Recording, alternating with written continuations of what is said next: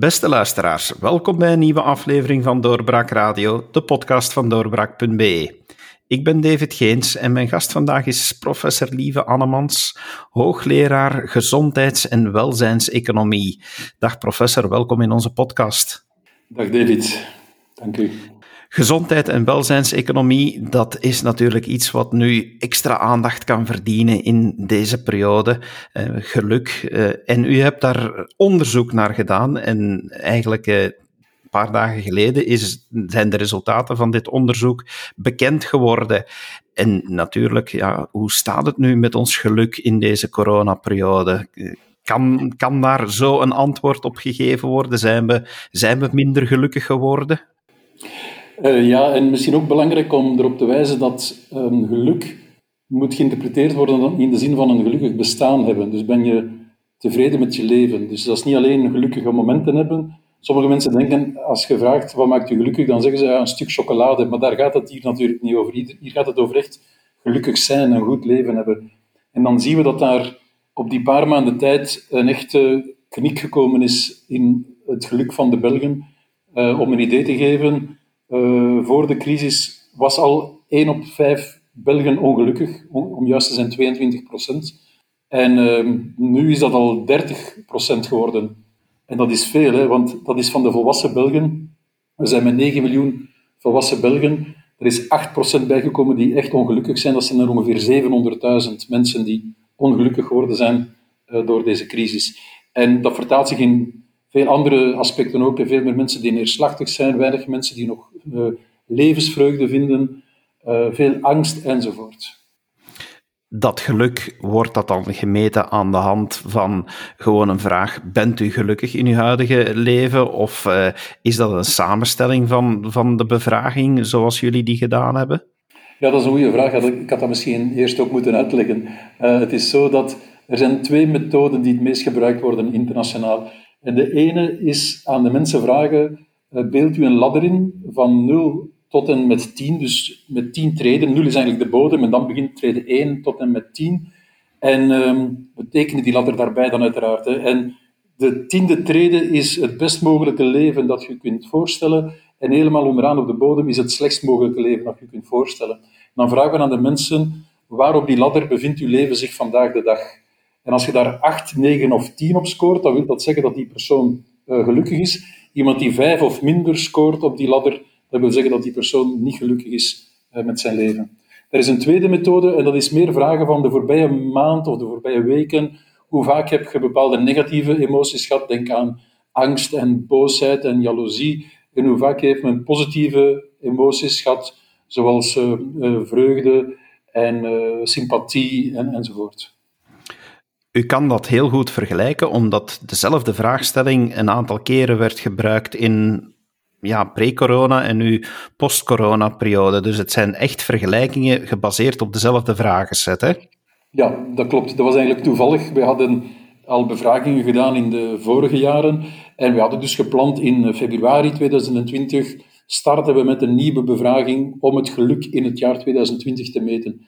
En dan plotseling, enkele weken later, breekt dan die crisis uit. En toen hebben we natuurlijk beslist om verder te doen met die bevraging. Normaal gezien was dat voorzien van begin februari tot half maart.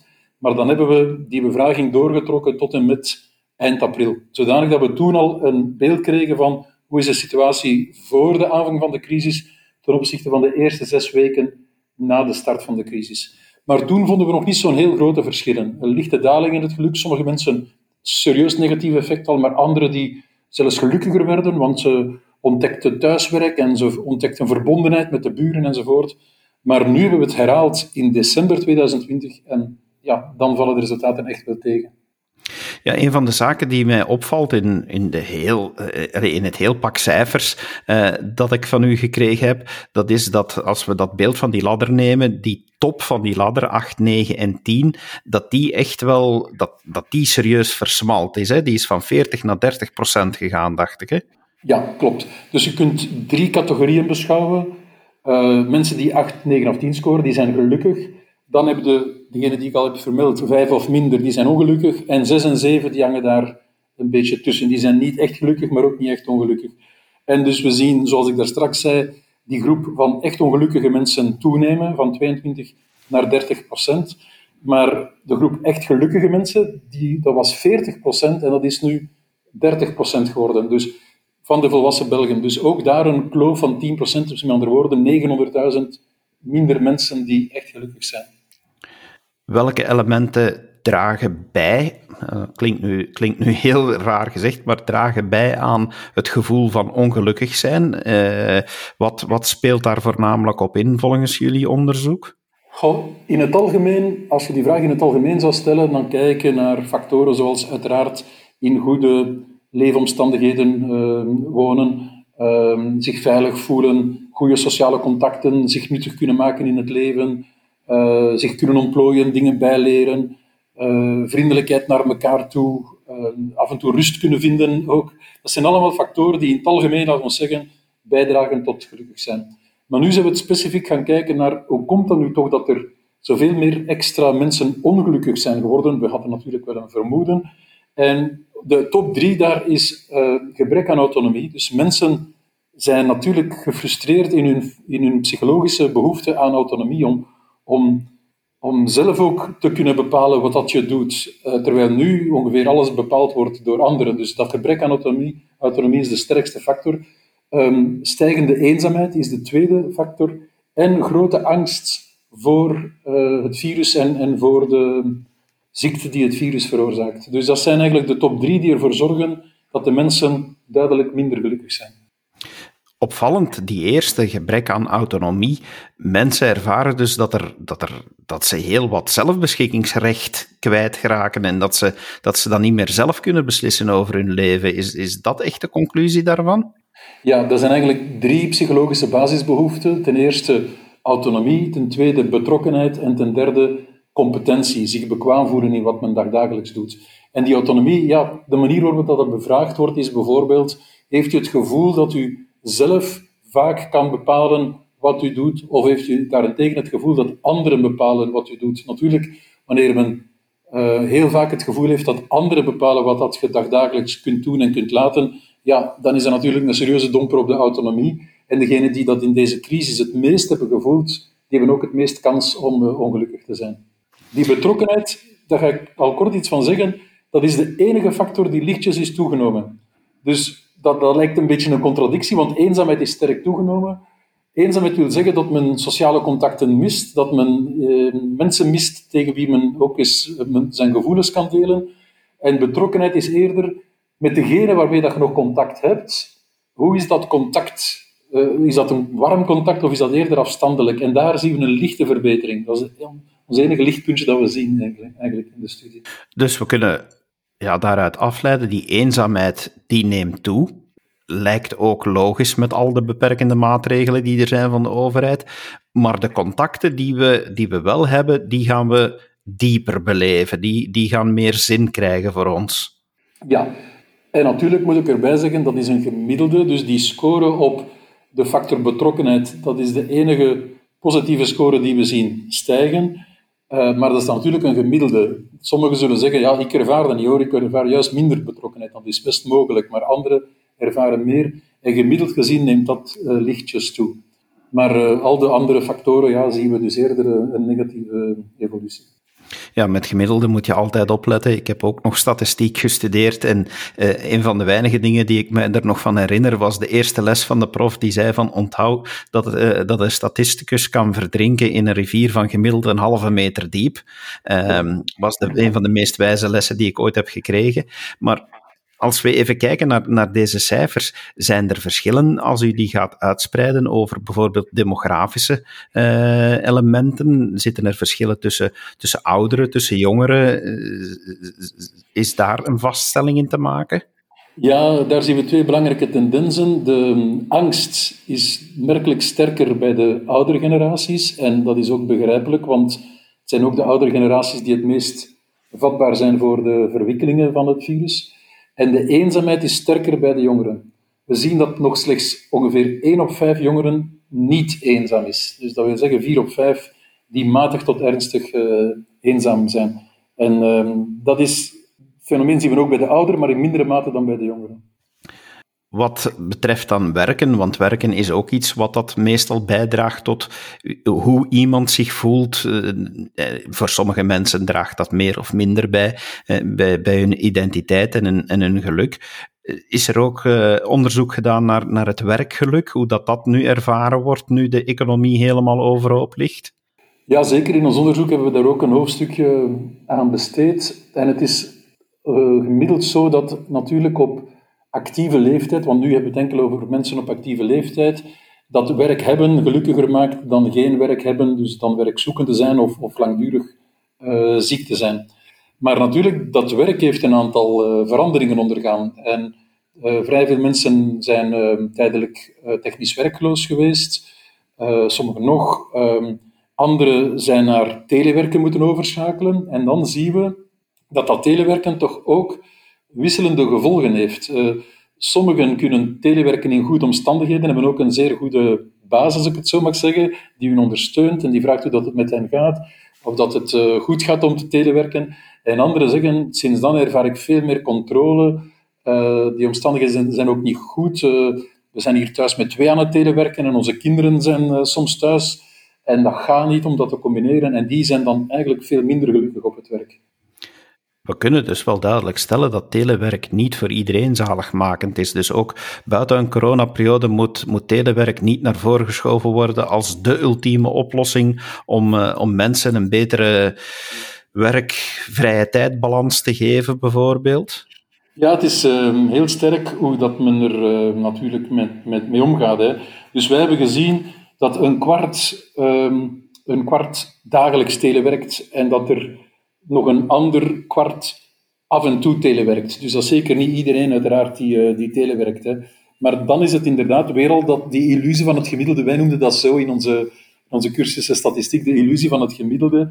Uh, daar zien we inderdaad dat bij sommigen dat telewerk hun geluk heeft verhoogd, maar bij velen ook uh, het sterk heeft verminderd. Gemiddeld gezien is het werkgeluk er toch ook op achteruit gegaan, jammer genoeg. Dus daar zien we nu dat ongeveer een derde van de werkende mensen niet meer gelukkig is op hun werk. En voordien was dat ongeveer een kwart. Ja, ik las ook, zoals ik net al verwees, naar die work-life balance. Uit dit onderzoek blijkt dat, dat toch wel minder dan de helft uh, van, van die mensen die thuiswerken, we hebben het dan heel specifiek over die groep, dat, dat die zich daar, ja, dat die, die balans uh, slechter uiteindelijk uitdraait. Uh, dat is toch een vrij grote groep die aangeeft van, oh jongens, even goed nadenken over dat telewerk. Ja, dat klopt. Maar dat hangt natuurlijk af van twee belangrijke factoren, namelijk de omstandigheden in de welke je dat telewerk moet doen. Heb je een apart bureau om dat te kunnen doen? Dat is al direct ganz anders. Uh, is uw partner ook in een situatie van telewerk? Hoe zit dat met de kinderen? Um, wanneer zijn die thuis en, en, en, is dat dan te combineren met dat, met dat werk enzovoort. Um, maar een tweede belangrijke factor is de leidinggevende. Men ziet dat sommigen het geluk hebben van een zeer goede leidinggevende te hebben die empathie toont, die ondersteuning biedt, die uh, consequent is, die autonomie geeft enzovoort. En anderen hebben dan een leidinggevende die niks anders doet dan controleren, uh, van zijn of haar oren maken, uh, vandaag zus zegt en morgen iets anders, uh, ja, dan is het natuurlijk zeer moeilijk om op die manier deftig te kunnen telewerken. Of, die, of de leidinggevende die nog s'avonds laat de mensen stuurt en nog een antwoord verwacht en dus dat, dat privéleven dan ook niet respecteert, ja, dat is, dat is onuitbaar natuurlijk. Hè. Dus daar is ook natuurlijk, hebben wij een oproep gedaan naar de leidinggevende met een aantal adviezen om, om dat toch te doen zoals degene die het goede voorbeeld geven. Geld maakt niet gelukkig, maar ik kan me wel inbeelden dat geldzorgen ongelukkig kunnen maken. Dus dat zal ook wel een onderdeel van het onderzoek geweest zijn, wat uh, de financiële gevolgen zijn en uh, hoe, hoe het geluk zich daartoe verhoudt nu in, in, in en tijdens deze tweede golf. Ja, ja, dat klopt. Ik had daar straks de top drie gegeven van factoren die maken dat mensen in die tweede golf ongelukkig zijn. Dus die autonomie, of gebrek aan autonomie, de eenzaamheid en de angst voor het virus. Maar um, ook inkomensverlies is inderdaad ook een belangrijke verklarende uh, factor. En we zien dat 47% van de mensen in onze bevraging heeft aangegeven van een of andere vorm van inkomensverlies te hebben uh, geleden. En degenen die daardoor echt in financiële problemen komen, dus dat men financiële stress krijgt, ja, die zien dan ook de kans om ongelukkig te zijn met een kwart uh, stijgen. Dus het is een duidelijk bepalende factor ook. Ja. En zonder twijfel kunnen we zeggen dat de tweede golf wel veel zwaarder een impact heeft op het geluk en het geluksgevoel dan die eerste golf. Ja, dat kun je zonder twijfel zeggen. We zagen al een paar dingen bewegen in die eerste golf, maar niet spectaculair. Eh, Sommigen werden minder gelukkig, anderen werden gelukkiger. Maar nu is het echt een, een algemene trend naar een situatie die we eigenlijk de voorbije decennia niet gezien hebben. De Belg is nog nooit zo ongelukkig geweest als uh, gelijk welke meting de voorbije decennia. Dus uh, dat is echt wel heel ernstig te nemen. En ik hoop dat ze dat ook gaan ernstig nemen. Ik neem aan dat een overheid natuurlijk heel goed gaat moeten kijken naar deze cijfers en dat inderdaad ernstig gaat moeten nemen. Zijn er dingen die een overheid kan doen om aan dat geluksgevoel te werken, volgens u? Ja, we hebben natuurlijk aanbevelingen gegeven. We hebben ten eerste gezegd van, alsjeblieft, in uw communicatie, uh, stimuleer een cultuur van, van waakzaamheid. Hè. Dat is een ernstig virus dat we ook ernstig moeten nemen. Maar vermijd een cultuur van angst. Vermijd dagelijkse angstboodschappen en dagelijkse taalgebruik. Zo van uh, we zijn zeer ernstig uh, bezorgd en we houden ons hart vast. En elke keer opnieuw wordt er wel iets gevonden om de mensen angstig te maken. En nogmaals, dat is een zeer ernstig virus, maar dat wil niet zeggen dat men een cultuur van angst moet gaan onderhouden. En ten tweede hebben we ook gezegd, um, de maatregelen die men toepast, zorg dat die verstaanbaar zijn, zorg dat die zinvol zijn en zorg dat die ook de sociale leefbaarheid van onze samenleving uh, kunnen garanderen. En dat stond eigenlijk zelfs letterlijk in het regeerakkoord, dat men dat ging nastreven. En dus ons advies is, ja, neem dat ook serieus en probeer toch uh, daarbij die maatregelen rekening te houden met uh, al die andere slachtoffers die het slachtoffer zijn van de maatregelen en waar dat we dus nu steeds meer cijfers uh, over zien. Uh, en dan hadden we ook nog een advies voor het lokale niveau. Uh, de burgemeesters hadden zich natuurlijk in deze tijden vaak bezig met handhaving, maar burgemeesters kunnen ook een zeer belangrijke rol spelen om de sociale cohesie in de gemeente te versterken, de betrokkenheid nog meer te versterken, om samen eigenlijk ook door de crisis te geraken. En um, daar vragen we dus ook meer steun voor buurtwerking, dat kan allemaal, hè. buurtwerking, zelfs, zelfs uh, in deze meer virtuele omstandigheden. Uh, mensen, sommige gemeenten doen dat zeer goed, hè. die bellen de mensen die eenzaam zijn op af en toe. Hè, om te vragen, ja, het is hier van de gemeente, het is om te vragen hoe dat met u gaat. Heb jij hulp nodig? Kunnen wij iemand sturen om u te helpen met boodschappen? In sommige gemeenten doen, doen ze dat. Ze zouden dat eigenlijk overal moeten doen. Als individuen gaan we dan voornamelijk moeten werk maken om die eenzaamheid te bestrijden. Zorgen dat we zelf niet eenzaam worden, maar ook de eenzaamheid bij anderen uh, gaan bestrijden en op die manier ook meer betrokken blijven. Want dat zijn de punten waarmee we het geluk echt kunnen wel punten doen stijgen. Ja, ik vind het wel. Het is eigenlijk de plicht van degenen die het goed hebben om de anderen te helpen. Uh, en dat maakt u trouwens zelf ook nog gelukkiger. Er zijn vrij veel studies die aangeven dat mensen die een altruïstische houding aannemen, dat die dan ook gelukkiger zijn en worden, omdat men, ja, je helpt eigenlijk twee keer, je helpt die andere persoon, maar je krijgt dan ook die genoegdoening van het feit dat je iets positiefs doet en dat maakt je dan ook zelf gelukkiger. Dus ja, daar reken ik natuurlijk op dat de, dat de mensen en degenen die kunnen, toch proberen anderen te helpen ook de dingen die de mensen dus uh, misschien wel klein geluk zouden noemen, maar, maar bijvoorbeeld de boodschappen gaan doen voor de buren die, die wat moeilijker te been zijn en zo, dat helpt die mensen echt wel om, om zich sterker te voelen in, in deze moeilijke periode. Zeker, zeker. Uh, je ziet het in, het in het doen en handelen van de mensen. Hè. U geeft daar een goed voorbeeld. Is een boodschap doen voor iemand anders, is een telefoontje doen. Um, maar gewoon zelfs in de dagelijkse omgang met de mensen, zelfs de, mensen die je kent, maar ook de mensen die je niet kent. Um, je gaat een wandeling maken, gewoon een vriendelijke goeiedag. Uh, gewoon die, die warmte en die genegenheid tonen naar andere mensen, dat kan ook al helpen om iedereen zich toch al een klein beetje beter te doen voelen. Maar nogmaals, we hebben ook aanbevelingen gegeven naar het beleid. Het is niet zo dat we dan zeggen van, ja, het beleid, daar, uh, die, die doen maar wat ze denken te moeten doen. En wij moeten dan het beste ervan maken onder ons. Nee, nee, het is een gedeelde verantwoordelijkheid. Het beleid heeft hier een verantwoordelijkheid en wij ook als mensen onder elkaar. Ja, want u hebt ook tien adviezen geschreven. En dat is uh, voornamelijk uh, gericht naar, naar de overheid, ook algemeen wat naar, naar de maatschappij. Uh, wat, zijn, wat zijn daar de, de zaken die, die u er nu als eerste uitpikt? Als, als ik zeg van, ja, wat, wat vindt u belangrijk in de tien adviezen? Of zijn ze alle tien misschien belangrijk? Goh, ik vind ze alle tien belangrijk um, om het goed te kunnen duiden. Ik heb die adviezen al geschreven eind oktober. En die ook toen uh, publiek gemaakt, omdat ik toen uh, wou aangeven aan het beleid, kijk, uh, jullie hebben het nu voor het zeggen. Ehm, ik, het enige dat ik nog kan doen, is u een aantal adviezen meegeven. u bent uiteraard niet verplicht van ze te volgen, maar ik geef ze toch maar mee, wie weet uh, kan het helpen. En een daarvan was inderdaad, ehm, stel maatregelen in vraag die meer kwaad doen dan goed.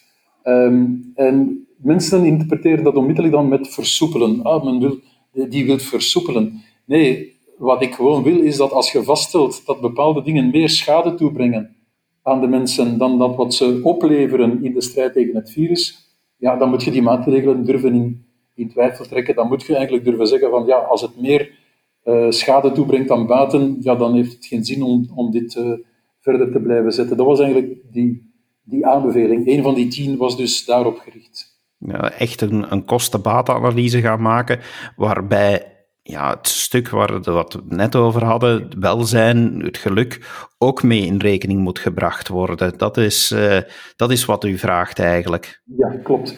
En uh, eigenlijk staat het ook in het regeerakkoord. Hè. Als men zegt dat men er wil voor zorgen dat de maatregelen sociaal leefbaar zijn, dan wil dat eigenlijk expliciet zeggen dat men dat dan ook mee in de rekening moet brengen wanneer men maatregelen uh, neemt. En ik moet wel zeggen, helemaal in het begin van deze crisis, hè, we, we waren half maart, werd beslist tot lockdown.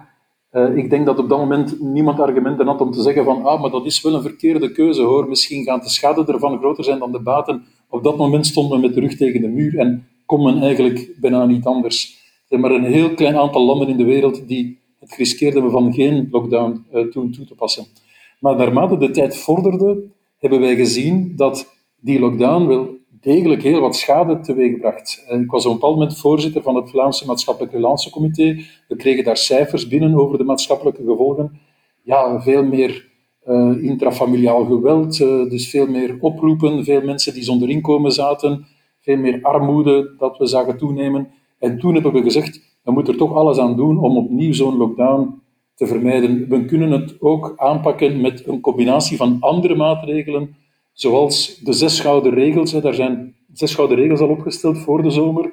Ehm, dat dat in afstand houden, de kwetsbaren beschermen, handhygiëne, uh, ruimten ventileren, binnenruimte ventileren, ehm, met niet te veel in een ruimte uiteraard, dus afhankelijk uh, van hoe groot de ruimte is, van dat daar minder mensen binnen kunnen. Als men al die dingen goed combineert en ook goed laat opvolgen, dan heeft men een combinatie van maatregelen die ook effectief zijn en die veel minder maatschappelijke schade teweeg dan een lockdown. U bent dan eigenlijk ook wel een aantal keren aangepakt geweest op het feit dat u durfde een ander licht erop werpen. Uh, ja, is, is dit nu, met, met het onderzoek dat nu gebeurd is, is dit voor u ook een beetje van, ja jongens, kijk, hier is het nu toch zwart op wit aantoonbaar dat we daar rekening mee moeten houden.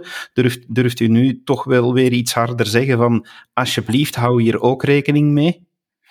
Wel, ik, ik heb de die tijd gezocht naar een evenwicht. Uh, je hebt enerzijds de, wat velen noemen de tunnelvisie, dus dat men enkel maar kijkt naar dat virus en geen oog heeft voor al die maatschappelijke gevolgen van de maatregelen. En anderzijds heb je sommige mensen die zeggen van uh, alle alle trossen los, uh, dat virus dat is heel sterk overroepen enzovoort. Uh, we moeten er niks meer van weten. En ik zoek ergens een gulden middenweg. Er is een heel mooi voorbeeld geweest, de, de Barrington Declaration, waar men heeft gezegd, laat de samenleving zoveel mogelijk functioneren, maar leg vooral de nadruk op het beschermen van de meest kwetsbaren. Als je daarin slaagt, dan gaan we op een normale manier met dat virus kunnen omgaan en de schade meer beperken zelfs dan dat we, dan dat we nu doen. Um, dus dat evenwicht heb ik altijd geprobeerd van te zoeken. En in deze cijfers zie ik natuurlijk wel de bevestiging dat het echt nodig is om dat evenwicht te zoeken. En nogmaals, de regering had dat zelf ook gezegd in hun regeerakkoord. En dus vraag ik ook om, ja, om, om dat toch echt tot uitvoer te brengen. Ja, we gaan nu naar een derde golf. Het lijkt erop dat het nog alsmaar strenger gaat worden, dat men nog meer gaat beperken, die sociale contacten gaan meer beperkt worden. Uh, ik vrees dat het ook niet goed zal doen aan dat gevoel van autonomie. Uh, ja, is, is het dan toch niet het moment voor de regering om, om eens heel goed na te denken om, om terug bij te sturen op sommige punten volgens u? Wel ja, en dan is de grote vraag, wat betekent dat bijsturen? Hè? Uh, wat werkt het best? Uh, zeer radicale maatregelen die zodanig ernstige gevolgen hebben dat ze door velen niet worden opgevolgd. Of minder radicale maatregelen, maar die duidelijk zijn, die begrijpbaar zijn, die zinvol zijn en die daardoor ook door veel meer mensen worden opgevolgd. Dan denk ik dat men toch zeker ook die tweede piste moet overwegen. Duidelijk. Professor, dank u wel dat u de tijd hebt genomen om dit toe te lichten in onze podcast. Uh, we zullen er rekening mee houden en ik ben alleszins gelukkiger geworden van het feit dat we hier even konden over praten. Dank u wel daarvoor. Zeer graag gedaan, David.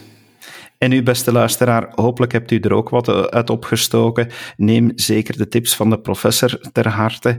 Uh, zorg dat u meehelpt tegen de eenzaamheid. Voel u betrokken. Het helpt allemaal om de geluksfactoren, niet alleen van u, maar ook van de mensen rondom u te verbeteren.